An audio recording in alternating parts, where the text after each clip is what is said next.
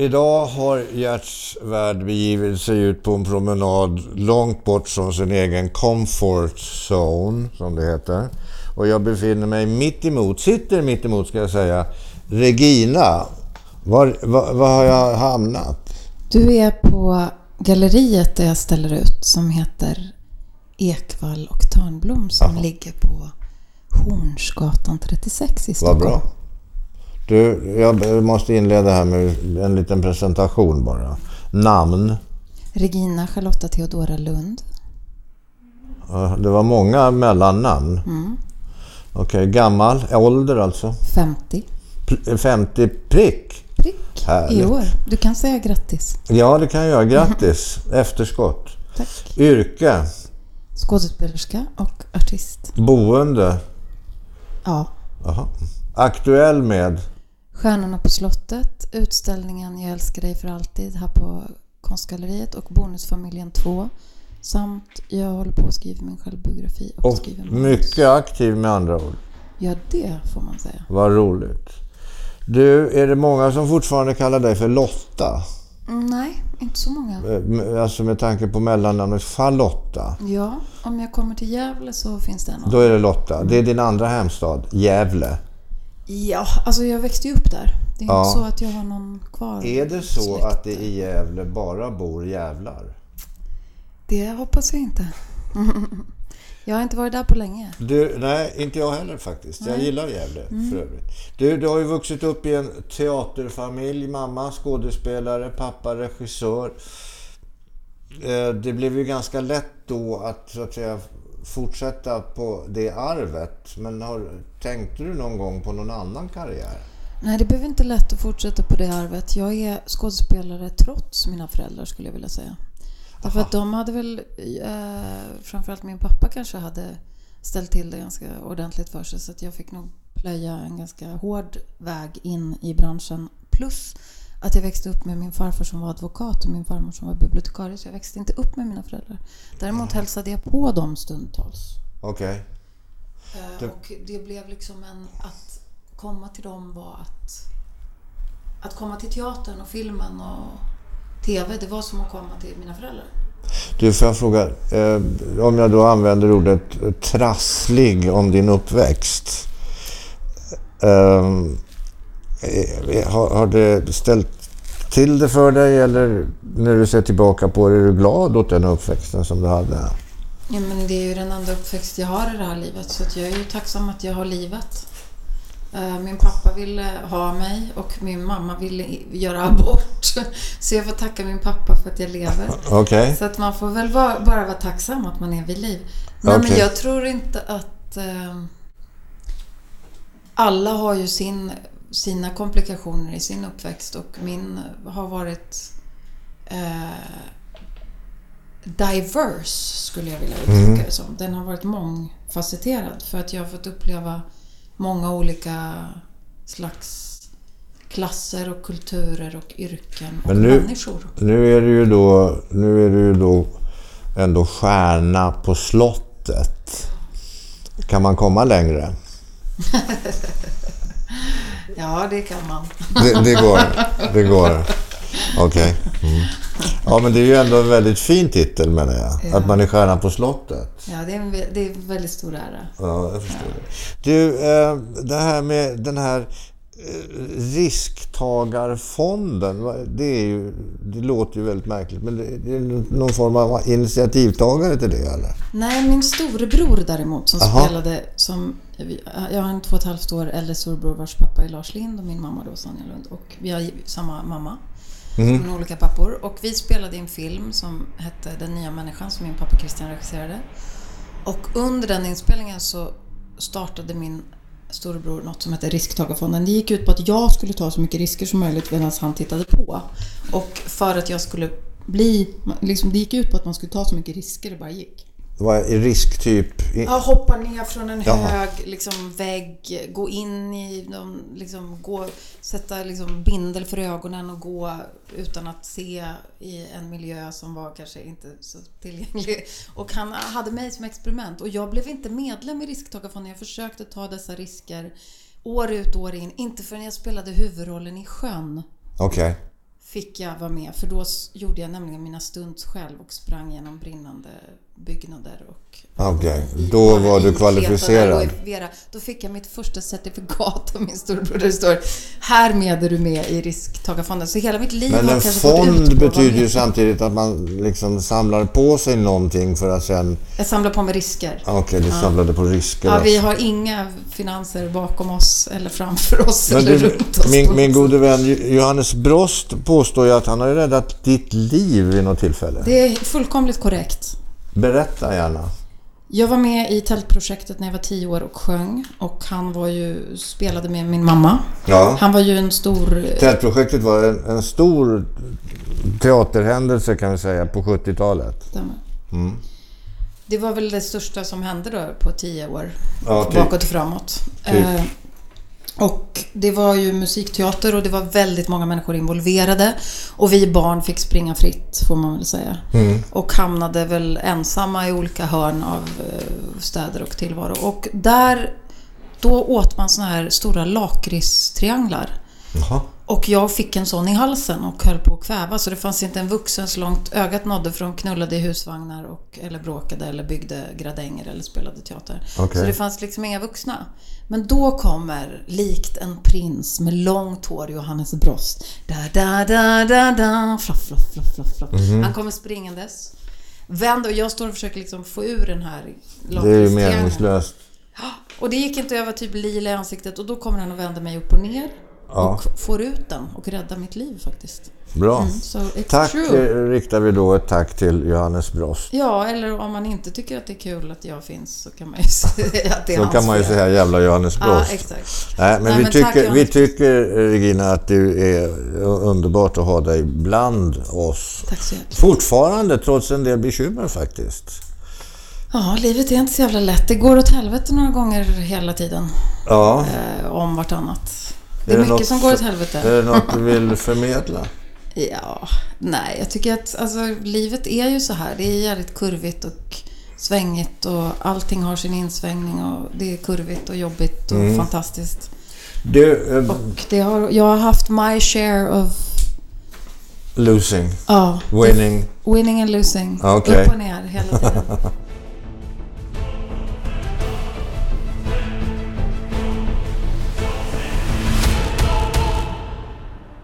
Det har blivit mycket teater, film och tältprojekt och annat och- sång och dans. Har du haft något vanligt jobb? Ja, Ja, jag har varit receptionist. bra. Jag har varit klädförsäljerska. Mhm. Jag har sålt kexchoklad som tioåring. Jaha. Jag har... Eh, jag har gjort... Ja. Ja, det, Det det, mest- det, Nej, det har jag inte gjort. Men jag har haft... Jag har varit butiksbiträde. Men du, det här med, med att du har varit receptionist. Och jo, men jag jobbar på restaurang i USA kom jag på. När Ja. jag var... Jag, mitt sista år... Mitt sista år i, på high school gick jag i Salt Lake City, Utah. Så gick jag East High School och då jobbade jag extra i en, på en restaurang. Och det har jag faktiskt glömt. ja, men nu Men nu kom kom jag på det. Mm. Så restaurang. Så att du har blivit... eh, Du har bott i Amerika också alltså? Jag har bott i Amerika. Ja, vad bra. I want to go to America. Da, da, da. Du, Jag har mycket släkt där och jag kom dit första gången jag var tio kom jag till Houston, Texas. Jaha. Och jag blev tvåspråkig som fyraåring för att mina fastrar gifte sig med amerikaner. Ja. Och de kunde inte lära sig svenska så då var vi tvungna att lära oss Men annars har jag förstått att du har en viss förbläss för portugisiska. Nej men alltså jag vet inte var du har fått det ifrån. Du har nämnt det förut. Jag har nämnt det förut, nej men jag bara minns vid något Portugis. tillfälle vi pratade. Ja. Eh, att, att eh, jag kommer inte ihåg varför, men eh, att vi gjorde i alla fall. Och så sa du, nej, du har helt fel, för de bästa älskare, de är portugiser. Sa du. Sa jag det? Ja, det sa du. Ja men al- alltså det... Du måste ge mig ett årtal på den sägningen för att jag kan inte riktigt placera. Jag har haft en brasiliansk älskare. Ja, men då är ju det... det är ju Och han pratade portugisiska. Ja. Så att alla Eh. som pratar portugisiska då kan man säga. Ja, så kan vi väl säga. Men jag skulle inte vilja dra alla portugiser över en kam och jag skulle inte rekommendera någon att, att eh, älska med någon enkom för att de pratar portugisiska, det tror jag inte är att rekommendera. jag rekommenderar inte det. Jag det är, sen den det, är, då, tror jag. det är ju inte liksom det man betraktar som kärlekens språk kanske. Och nu när jag ska skriva mina självbiografier som jag tror kommer att heta Jag minns ingenting så är det ju bra att du kommer ihåg sådana små detaljer. Ja, Men jag minns faktiskt inte att jag har... Jag får, jag får gå tillbaka i mitt register eh, ja men då kan jag påminna dig om en annan sak som var rätt rolig. Mm. Som du också, för att du har ju faktiskt varit ute på det som jag kallar för kobben. På mitt landställe. En midsommar var du ute. Med någon vet ej. Du hade, du hade ett medsläp. Och... eh, Kommer inte ens ihåg. nej, men nu berättar jag det här för dig. Ja. Så att du sen kan ta upp den tråden i dina memoarer. Ja. Eh, och ni tältade upp i skogen. Minns jag. Åh herregud. Vem kan det ha varit? Ja, Det vet. var Johan Söderberg. Var det det? Det tror jag. Ingen aning. Det var dock väldigt länge sedan. Ja. Det är Då- säkert 25... Ja, det var väl Johan Söderberg. Ja, ja. Det minns jag. Vi tältade. Just det. Jag minns. Så var det. Du, du blev ju världsberömd i hela Sverige här genom Rederiet kan man säga. Stämmer. Eh, och den här rollfiguren var väl inte alltid genom pos- vad heter det, sympatisk. Nej, det var hon inte. Och, och, och hur var det att bli då igenkänd på gator och torg som, som någon elak The kärring? bitch. Bitch, ja. Ja. Nej, men hon var ju femme fatale upphöjt till hundra liksom. ja. Eh, min son brukar säga Mamma varför tackar du ja till sådana roller som är elaka? Men det är ju liksom Det tar ju på krafterna och jag var nog inte beredd på att jag ett skulle vara onaniobjekt för alla mellan 15 och 100. Att jag två skulle bli liksom identifierad med rollen och så liksom ståkad och både hatad och älskad och jagad på alla sätt och vis. Eh, De stod ju liksom utanför fönster och var nere i tvättstugor och sprang efter mig och skrev saker på dörren och sådär. Och det pågick ganska länge och det, det var, jag var inte så väl utrustad för det. Därför att på den tiden var, hade vi inte så här bloggar och Facebook och Insta och allt Nej, och det var väl det kanske var tur. en sak alla. Nej, det, på ett sätt var det synd. För att nu sprider vi ju ut media. Då var det ju, fanns ju bara det här programmet. Alla tittade ju på Rederiet. Ja. Och samtidigt så spelade jag ju Ofelia Hamlet och Abigail i häxjakten och gjorde seriös teater som jag ju tyckte på den tiden var finare och bättre och tyckte väl kanske att Rederiet mer var så här, ja men det kan jag väl också göra lite för att betala hyran.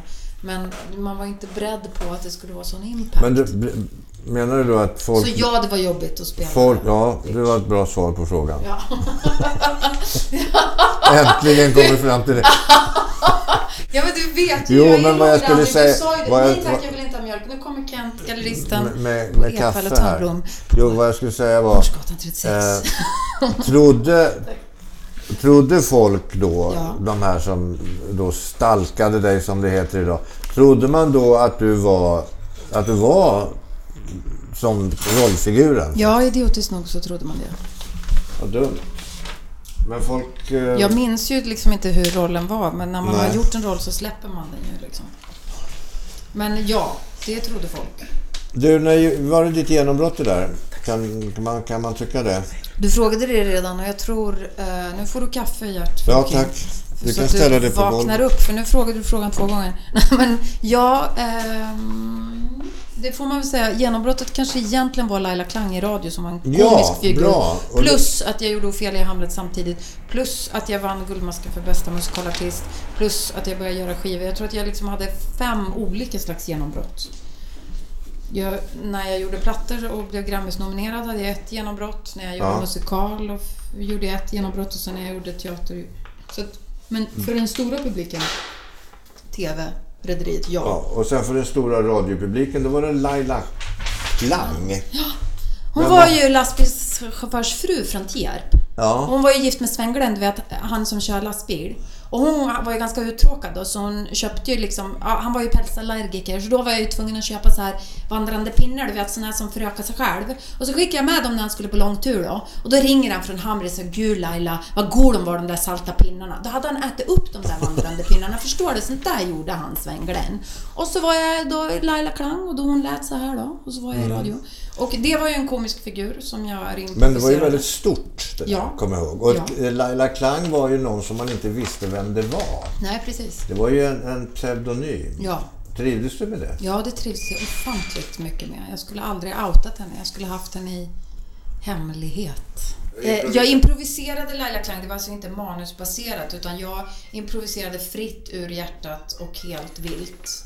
Och det där är en jag konst, mycket. vet jag, eh, och för egen, egen del. Och, och eh, eh, ja, det är inte helt lätt det där. Att bara utifrån en rubrik eller från kanske någon liten ingress eller vad det nu är så ska man spinna en historia på en kvart. Det är inte så jävla enkelt. Tack så mycket. För mig är det det enklaste som finns. Jo, men jag säger att för mig kan det också te sig enkelt, men inte för alla om vi säger så. Nej. Du, är du språkbegåvad? Men jag, vet du vad? Jag, Nej. skulle, eh, jag pratar nog det bästa språket eh, flytande och det är känslospråket. Det är väldigt nyanserat i min... min... Känslospråket. Ja. Blir vi inte lite flummiga nu? Nej, det tycker jag inte. Det bästa språket du kan prata är ju kroppsspråket.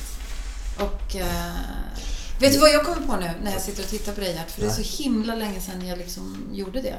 Då kommer jag ihåg att jag har faktiskt spelat mot dig när jag var väldigt ung i något som hette Kvällspressen. Ja. Då hade vi en scen där vi bråkade, tror jag. I, på någon övervåning. Det slår mig nu. Och Det sen- kommer jag inte ihåg däremot. Jo, men men kvällspressen kommer jag ihåg. Och jag var med i den. Slå, slår När fan var nu. det då? Det måste vi spåra. Jo, nej, men det måste ju vara Välkomna till början på Senilment 90-talet Radio. det. Början på 90-talet. Spårar gamla minnen. Ja, exakt. Ja, men vi, sen har vi spelat ihop vid ett antal tillfällen förutom det då. Carl Johan De Geers. Film. Eh, och även eh, någonting till, tror jag. Ah, ja, Sen jag, var jag kompis med en flickvän till dig. Hon som satte en gaffel i ditt ben. Ja, det var, eh, Anna-Lena Hemström satte det var gaffel inte en gaffel. Var det en kniv? Ja. Man satte Och det fanns anledning till det. du Det, var kan, det, fanns, tror jag. det fanns anledning till det, kan jag säga. Du var, då, då var du... Satt du inte still som du Nej, gör nu. nej, då jävlar. Då, det var... Och det behövdes inga port, ingen portugisiska för det. Du körde loss hejvilt. åt Ja, då för fan. Ja, Ja. Exakt. Inte, inte med mig dock. Nej, inte med dig. Nej. Eh, inte med Ingen dig. hashtag metoo på dig överhuvudtaget. Du, du är ju väldigt... Eh, du har alltid i alla år, tycker jag, Gert, varit väldigt... Eh, du har varit en gentleman. Och väldigt gentil och väldigt respektfull, vill jag säga. Ja, Tack. Det verkligen. tackar jag säkert Jag menar det. Du, det, behöva ju... sägas. Ja, jag hör vad du säger. Jag tackar för det. Däremot så har jag kanske inte varit världens bästa äktaman. Nej, men det är en annan sak. Du, eh, eh, Vem fan har det? ja, inte har du varit det kanske heller. Inte i det här livet i alla fall. Nej, men eh, tror du på Inte tidigare... äkta man, en man i alla fall. Nej, inte en man.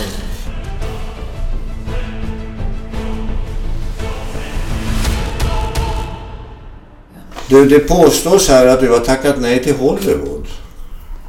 Ja, Alltså med Hollywood så menar jag då filmindustrin. ja, en gång i tiden gjorde jag det. Eh, mot bättre vetande. Men du, varför det? Du har ju ändå blivit jämförd med Jessica Lange. Ja, men... Och det är ju en eh, väldigt framgångsrik skådespelerska. Ja, ja jag vet inte varför, det, varför jag inte kunde... Jag, vill, jag tror att när jag vill saker väldigt mycket så tror jag att jag inte får göra det. Och då blir jag liksom lite så här tvärs emot. Mhm. Så att jag liksom säger nej tack till saker som jag kanske egentligen vill säga ja tack till. Tror du på slumpen då? Jag vet inte. Jag tror på... Jag tror på den mänskliga faktorn. Jag tror på att allting samverkar. Får jag fråga?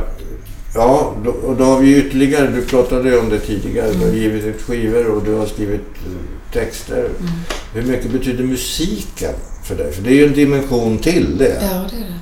Allt skulle jag vilja säga. Betyder det. Det är oerhört viktigt. Jag skulle inte kunna leva utan den. Och jag tror att den har klarat mig genom mitt liv.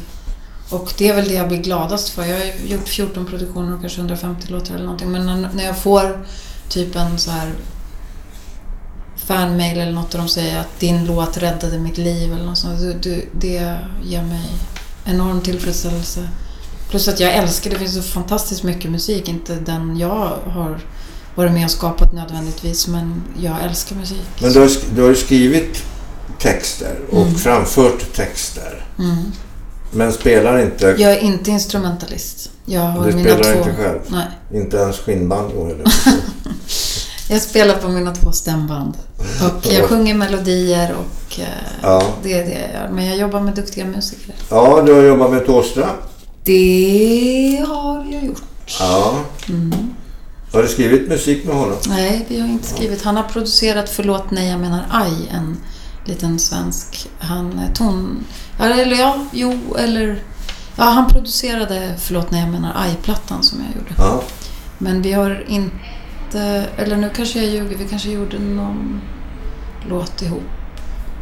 Nej, han producerade den befintliga plattan. Förlåt, nej, jag menar aj. Men- du men- märker ju, jag måste ju... Jag var inte beredd på att det skulle vara så här mycket bakåt i tiden. Jag, är ju, jag tittar ju inte bakåt, jag går nej, framåt Nej, men det är ju det som är, Ja. det är roligt för att det, det, det vi har gjort tidigare, det är det som ligger till grund för vad vi gör idag. Ja, det kanske är så. Jag. Mm. Det Intressant. är det ju. Alla möten, alla jobb, alla... Oavsett vad det nu är, varje gång vi går över gatan så ger det oss ett litet, litet, litet skjuts, liten, liten skjuts framåt in i det som komma ska. Så är det ju. Så kanske det är. Gifte du dig med dig själv? Ja, det gjorde jag. Hur var bröllopsnatten? Ja, den var ju ganska enslig alltså. Det, det, det, Det- det, det- det blev som vanligt Det alltså. bidde inget. Det bidde inget. Men blev det någon bröllopsresa? Ja, jag, jag gifte mig med mig själv ovanför eh, Island.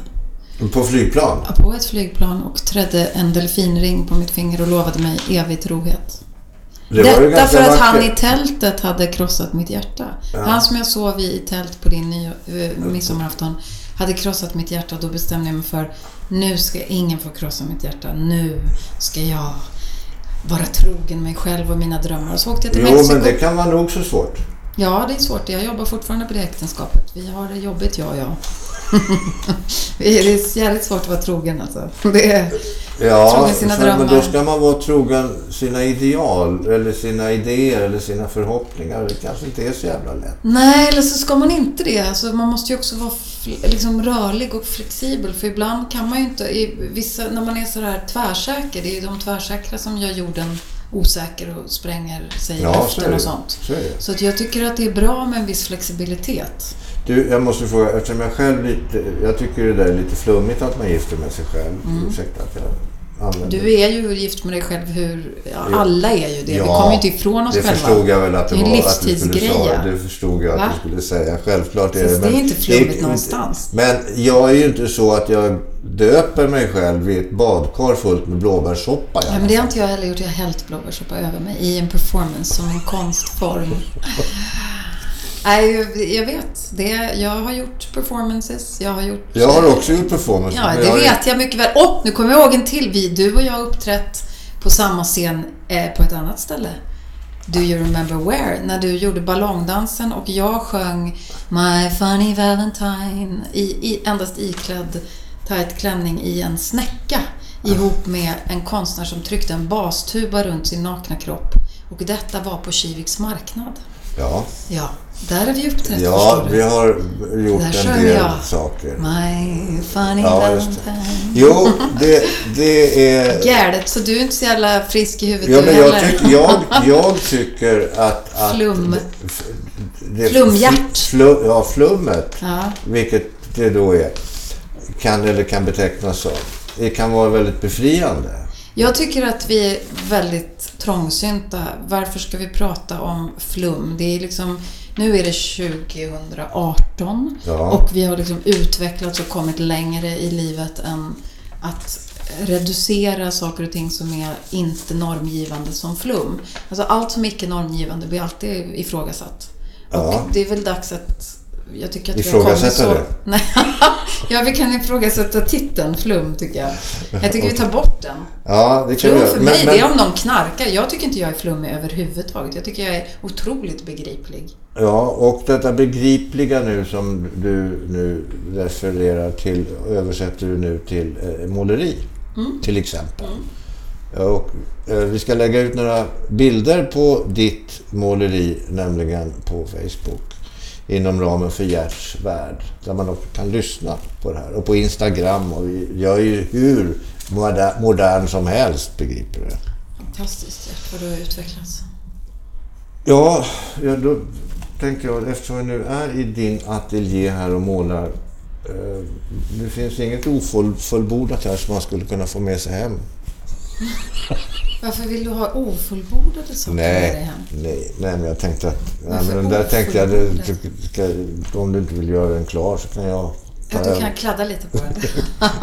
Jag kan flumma lite Ja, på du den. kan Nej, vi kan lämna det. Nej, men jag känner att jag vill nog eh, ha makt över min egen konst. Ja, det tycker jag det ska man ha. Där, eh, jag har inte kommit så långt än, men när jag hittar någon, någon som jag vill måla ihop med så kommer jag kanske göra det. Det vet man aldrig. Ja, och vad händer, för om, måla ihop med det är ju en sak. Mm. Men om du hittar någon som du vill gifta dig med, hur ska du göra då? då? Ska du skilja dig från dig själv först då, eller? Ja, det är det som är det svåra. Alltså. Det att behålla sig själv i, Intakt. intakt i en tvåsamhet. Det är därför jag har hållit mig ifrån tvåsamhet, för att det är så komplicerat. Ja. Jag tycker att det är komplicerat. Ja, jag, jag vet ju inte hur du lever nu. Nej, Om du lever med, bara med dig själv. nej, det vet du inte. Nej, du, du får göra precis som du vill. Tack så den mycket. dagen. Jag bara tycker att är man Skönt lycklig... att jag fått Ja, nej, men jag tycker om glada människor, lyckliga människor. Jag älskar det.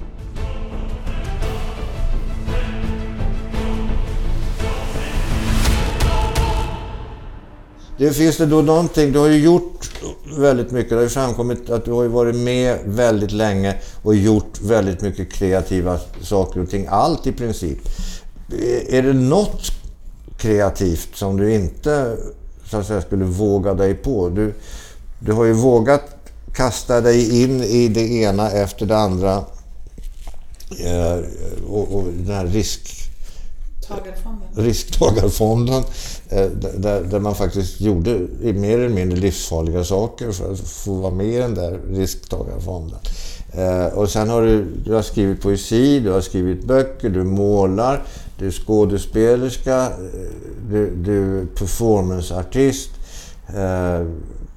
Man har kunnat se dig mer eller mindre naken och påklädd i olika roller, naken i Det vissa har man ju kunnat med dig också genom Ja. alla år. Jo, men nu pratar vi om, inte om Nej, mig. Nu jo, pratar- men jag pratar med dig. Jag måste Ja, bara du- få ställa det i liksom Absolut. perspektiv. Men är det eftersom någonting som du det inte, inte skulle kunna tänka att du inte skulle kunna tänka dig att göra? Ja, självklart. Det finns väl en jävla massa saker jag skulle kunna tänka mig att göra. Jag menar inom, inom, inom konst och performance och sånt där. Men det är klart att jag förstår att det finns en massa saker som du inte skulle kunna tänka dig att göra. Ja, men jag tror så här att kom ett förslag så får jag se om jag vill göra det. Och jag tror inte att jag, jag vill stänga någon dörr till något. Ja. Jag vill snarare öppna nya dörrar om det finns några. Det, ja, men det är ett bra svar. Det är ett bra svar. Det, Mm. Tack det är för så, recensionen och svaret. Ja. Ni som har något på hjärtat alltså när det gäller Gina, fråga bara. ja, faktiskt. Jag är väldigt transparent och har inte... Men enligt Wikipedia då som Det är är någon ett... som hostar här i bakgrunden. Ja. Ta in det. Ja, det är förkylningstider som det heter. Du, du är sångare, låtskrivare, poet, författare, konstnär, fotograf också. Nej, det vill jag inte påstå. Men jag har lite grann har jag fotat. Det hänger några foton jag har tagit där nere på här next door. Jo, jag har fotat också. Jag tycker om Om man går igenom din telefon på bilder, Mm, Då får man en jädra massa. Jo, jag tycker om att fotografera. Det är klart. jag gör. tar du bilder för eget, för att du ska komma ihåg eller tar du bilder för att eh, du vill publicera? Både och. Ibland tar jag liksom så här... eh, Jag, hade, jag skulle göra, göra en stor eh, fotoutställning men min eh, kamera som jag lånade av Pelle Lidmark tog han plötsligt tillbaks och typ 8000 bilder eller något sånt där bara. Bye bye och jag får inte tag i honom. Så jag hade kunnat haft en... Men Pelle Lydman, är inte han på sitt hotell? Jo, du, ni, ni får jaga ner honom åt mig. Ja, jag ska, Nej, jag men- ska påminna Ja, honom. kan du påminna Ja, honom? det Ja, ska jag absolut För i så fall, om jag hittar de bilderna, för då hade jag en vision. Jag höll på i tre månader och sprang Aha. och fotade hej vilt. Ja, men jag har gjort några sådana, det har jag gjort. I, i min tidiga konst... Eh, karriär, om man nu får kalla det det, så fotade jag det här var kanske i på slutet 90-talet, början av 2000-talet, så fotade jag och gjorde som mosaik av fotona Mhm. på den här gamla goda tiden när man framkallade bilder till Ja, vilken underbar tid det Ja, det var var. en underbar tid. Ja. Och då gjorde jag små konstverk av det, mosaik, som jag oftast gav till välgörenhet. Så de cirkulerar väl någonstans i universum. Idag heter det ju att man har... Men jag vill inte kalla mig fotograf, för det finns så många bra fotografer. jag ska inte kalla dig för någonting. Jag ska inte lägga ett epitet på ansvarig. dig överhuvudtaget. Nej. Men däremot så finns det ju någonting som idag med ett modernt ord heter bucket list. Stämmer. Det betyder att man har en lista på grejer som man har bestämt sig för att det här ska jag göra och så bockar man av dem. Exakt. Och det handlar allt om, ja det är från att man ska upp på Kilimanjaros eh, topp till att man ska, inte vet jag, göra någonting. Har du något på din bucket list som du så att säga för tillfället, fan det där måste jag göra. Jag har varit väldigt ambitiös på att pricka av det. Jag ville lära mig surfa, jag ville åka till Australien, jag ville åka till Afrika, jag ville se vissa grejer, jag ville lära mig nya grejer.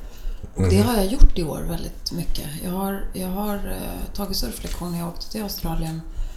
Ehm, och jag har liksom kramat en koalabjörn vill jag göra. Det har jag prickat av i år till exempel. Jaha. Var snabbt. neddrogad? Nej, han, var, han hette Mårten. Och han var jättesöt.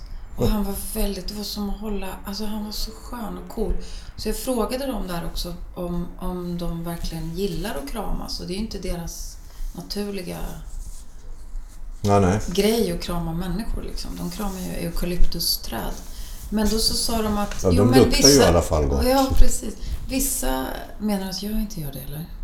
nej men, Jag kan smörja in mig lite i eukalyptus. Nej men Ja, eh, kan han höll fint och mjukt och det var faktiskt ett väldigt stort ögonblick. Jag var väldigt rörd och min fina väninna som var skripta under när jag spelade in Sjön eh, som jag har känt i alla år. Hon var med mig och hon sa inte gråta, inte gråta, gråta efteråt. Och jag stod, det var så stort ögonblick för mig. Jaha. Jag var helt rörd av att krama den här koalabjörnen.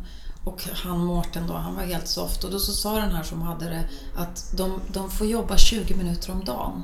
Och vissa tycker om det. Och så kramar japaner och en och annan svensk. Och den här Mårten, han blev precis inhämtad när jag kom. Så han var helt färsk och ny på jobbet. Så han kramade mig väldigt eh, närvarande. Intensivt och nära. Och, nej, men inte intensivt, men sådär lagom. Bara närvarande. Och det var det är ingenting som du ska anmäla i, Inget hashtag metoo på Mårten Kolabjörnen kan jag säga. inte det. Bra, bra. Du, Jag har eh, inte anmält någon för något på metoo, men jag tror att den, den aktionen ska tas på allvar, men man måste också kunna skämta om det har det gått lite för långt med kanske?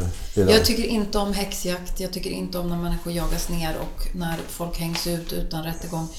Jag påbörjade min karriär genom att komma in på juristlinjen. Jag är uppvuxen som försvarsadvokat. Alltså, jag fatt- jag, jag- tycker att det är väldigt viktigt att, att, rätt, att, att det liksom hålls... Rättegången ska vara i rätten och inte i media. Jo, och jag förstår. Alltså man hänger ju ut folk va, till jävla höger och vänster. Men den här har man ju inte hängt ut till exempel. I media. Jag har ingen koll på Nej, men jag vad bara... som har hänt. Nej, Utan jag, jag, jag skrev under för att vara kollegial och för att det var någonting jag tyckte var viktigt. Jo, men ja, hetsjakten är ju alltså, betydande och förgörande för många av dem som eh, har hängts ut. Och inte bara för dem, utan det, det gäller ju även tre, tredje person, deras respektive och barn och allt vad det är som inte alls har med saken att göra. De får ju liksom ett Damoklessvärd hängandes över sig. De där. Ja, jag tycker det är för jävligt. Ja, men det är väl, jag, jag tror att det var en nödvändig utveckling. Det Ja, var, det var väl jättebra. Hierarkier måste falla förr eller senare och nya måste byggas upp på något sätt. Du, din debutroman Den kom 2009. Stämmer. Min diktsamling 2005. Ja. Förlåt, nej jag menar Haj. När kommer nästa bok? Du pratade om en, en, en biografi. Mm, det vet jag senare i eftermiddag för jag har möte om den efter det här. Åh, oh, oh, oh, ja, jag tackar. Ja. Så då kan Okej, ja, men då vet vi det. Då får vi reda på det. Eh, har du några litterära förebilder? Så att säga. Kan man tänka sig en stil? Jag är uppvuxen med en bibliotekarie så alla stilar fanns i hemmet. Och min farmor mutade mig och sa du får fem spänn för varje... Så sa hon inte, spänn sa hon inte, men så, du får fem kronor för varje bok du läser ut. Då sa jag farmor, jag vill inte läsa böcker, jag vill läsa, lära mig om livet. Jag ska läsa när jag blir gammal.